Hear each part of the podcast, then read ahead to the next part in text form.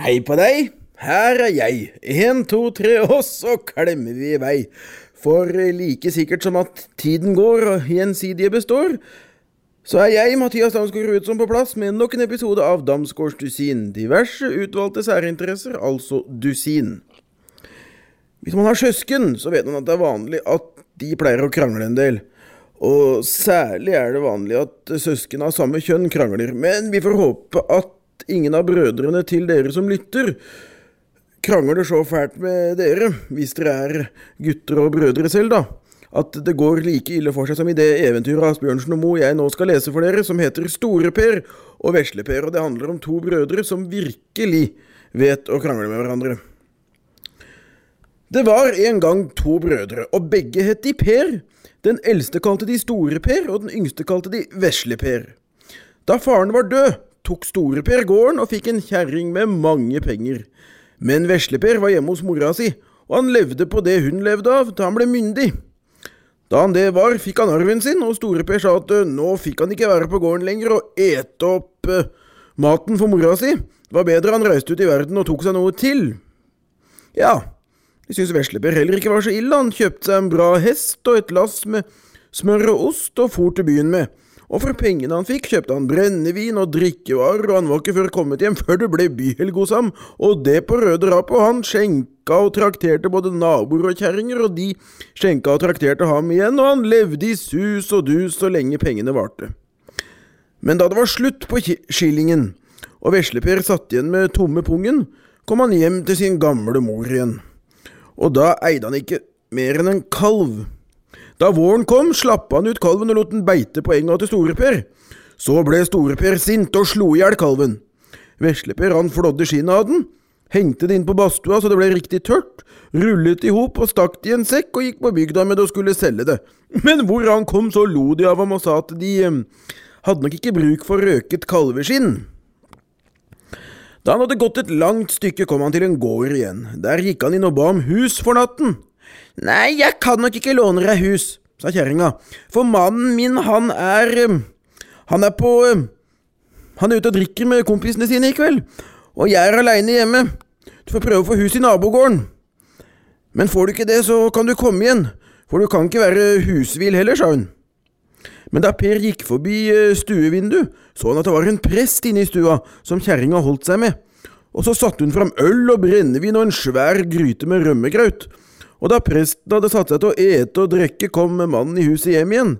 Men da kjerringa fikk høre ham i gangen, var hun ikke sen. Hun tok grautgryta og satte i peisen og øl og brennevin i kjelleren, og presten låste ned i en stor kiste som sto der. Alt dette sto Vesleper og så på, men da mannen vel var kommet inn, så gikk Vesleper etter og ba om han kunne få lånt hus. Ja, sa mannen, du skal få lånt hus, og så ba han Per sette seg bort til bordet og ete. Ja, Vesleper satte seg bort til han og tok med seg kalveskinnet, og det la han ved føttene sine. Da, han, da de hadde sittet en stund, ga Veslebjørg seg til å tråkke på kalveskinnet. Hva sier hun nå igjen, kan du ikke tie? sa Vesleper. Hvem er det du snakker med? spurte mannen. Å, det er en spåkone jeg har i kalveskinnet sa Per. Ja, hva spår hun da? sa mannen igjen. Nei, hun sier at uh, vi skal ikke se bort ifra at det står ei gryte rømmegraut inni peisen, sa vesle-Per. sa mannen. Hun spår nok i ørska.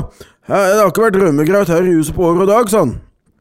Men eh, Per ba ham se etter, og det gjorde han, og så fant han grautgryta, og den begynte de da å godgjøre seg med. Og aller best de satt og åt, så tråkket Per på kalveskinnet igjen. Hysj! sa han, kan du ikke holde kjeften? Ja, hva sier uh, spåkona nå? sa mannen. Nei, hun sier at vi skal ikke se bort ifra at det står et par flasker med øl og brennevin under kjellertrappa, sa Per. Hun har, har aldri spådd i ørska før, så gjør hun det nå, sa mannen. Øl og brennevin, de ting kan jeg knapt minnes vi har hatt i huset. Ja, men du får se etter, da, sa Per. Og det gjorde mannen, og jo da, ganske riktig, han fant drikkevarene, og så ble det vel glede på ham. Uh, hva hadde du gitt for den uh, spåkona? Den må jeg ha, samme hva du vil ha for den, sa mannen. Ja, jeg har fått den i farsarv, og ikke mye har jeg tatt for den, sa Per.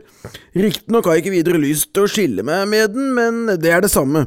Hvis du lar meg få den gamle kista som uh, står borti kroken der, så skal du få spåmunn. Ja, men kistenøkkelen er blitt borte, skreik kjerringa. Ja, jeg, jeg tar den uten nøkkel, jeg, sa Per, og så ble han og mannen snart enige om handelen. Per fikk et rep istedenfor nøkkelen, og mannen hjalp ham å få kista på ryggen, og så ruslet han av gårde. Da han hadde gått et stykke, kom han ut på en bro. Under den gikk det en elv så stri at den frosset og skummet, og dure den så broen ristet. Det brennevinet, det brennevinet, sa Per, jeg kan merke at jeg har smakt på det igjen. Og hva skal jeg nå gå og drasse på denne kista etter, hadde jeg ikke vært så full og gæren, hadde jeg da ikke handla den til meg for spåkona. Men nå skal kista i elva, og det på flygende timen og han til å løse av repet. Au, au, gjør for Guds skyld og frels meg, det er presten herre gjelde du har i kisten, skreik han som i den var.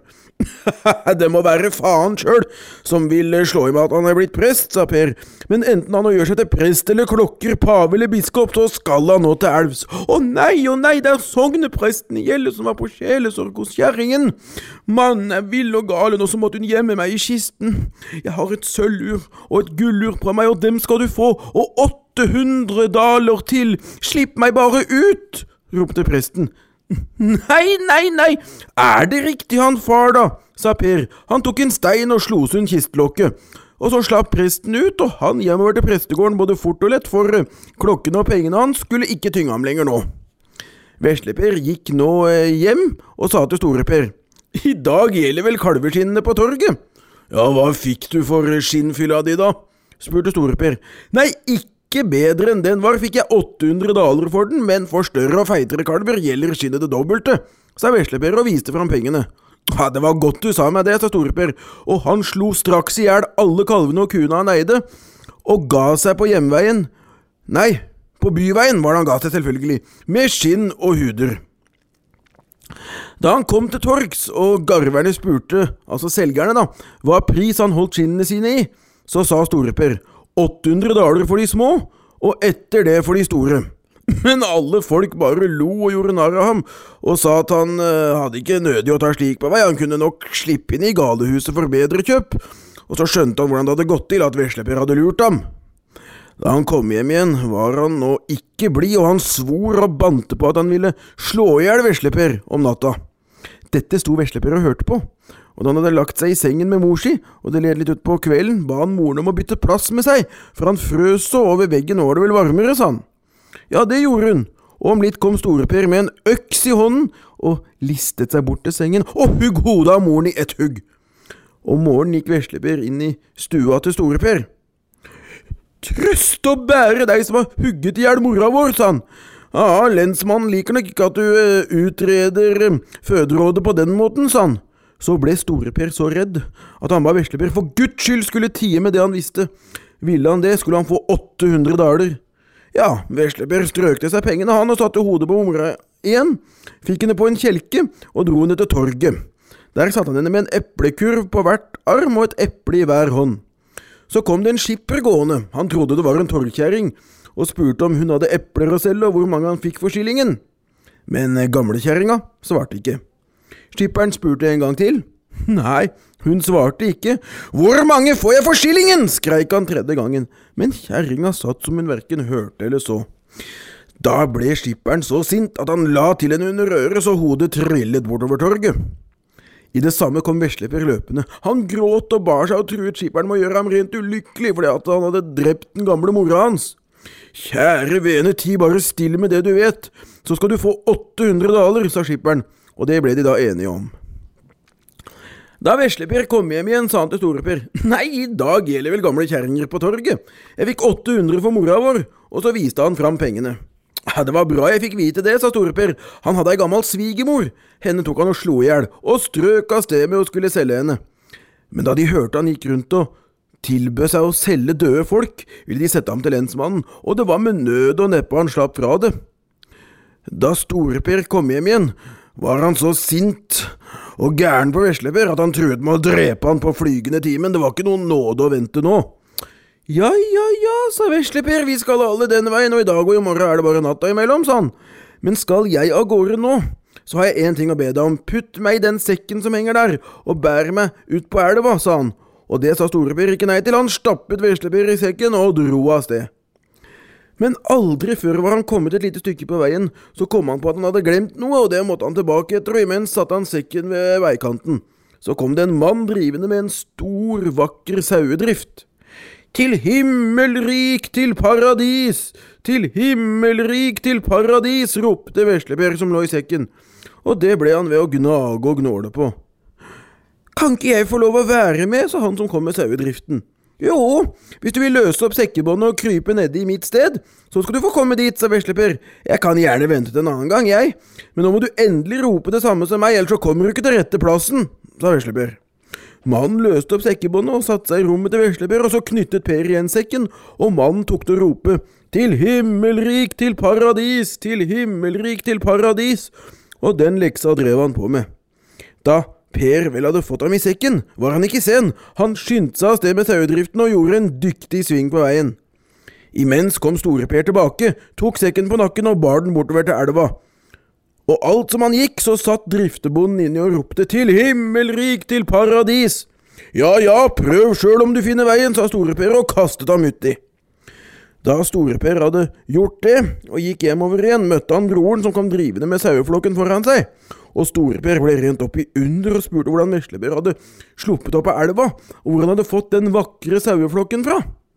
Nei, du skjønner det, at det var riktig en bjørnetjeneste av deg at du kastet meg uti, svarte Vesleper. Jeg sank like til bunns som en stein, og der fikk jeg vel se saueflokker, kan du tro. Der nede går de i tusenvis, den ene drifta større enn den andre, og her ser du, det er vel ullsauer, sa Per. Ja, det var bra du fortalte meg det, sa Tore-Per. Han strøk hjem til kjerringa, tok henne med seg til elven og krøp i en sekk og ba henne skynde seg å knytte sekken igjen og kaste ham utover broa. Jeg vil uh, til bånns etter ei sauedrift, sa Store-Per, men skulle jeg bli for lenge så du kan merke jeg ikke rår med saueflokken, så får du løpe etter og hjelpe meg, sa han. Ja, ja, ja, bli bare ikke for lenge, for jeg, jeg lengter sånn etter sauene, sa kona. Hun sto og ventet en stund, men så tenkte hun ved seg sjøl at mannen ikke rådde med å jage sammen hele saueflokken aleine, og så hoppet hun etter. Og så var vesleper kvitt dem alle i hop, han, og så arvet han gård og grunn og hester og redskap, og selv hadde han penger nok til å kjøpe seg melkekuer for. Ja, sånn kan det gå. Jeg er som vanlig på plass om en uke med en ny episode av Damsgårdsdusin, og hva som skjer da, det veit jeg ikke ennå, men som jeg alltid pleier å si, den som lever får se.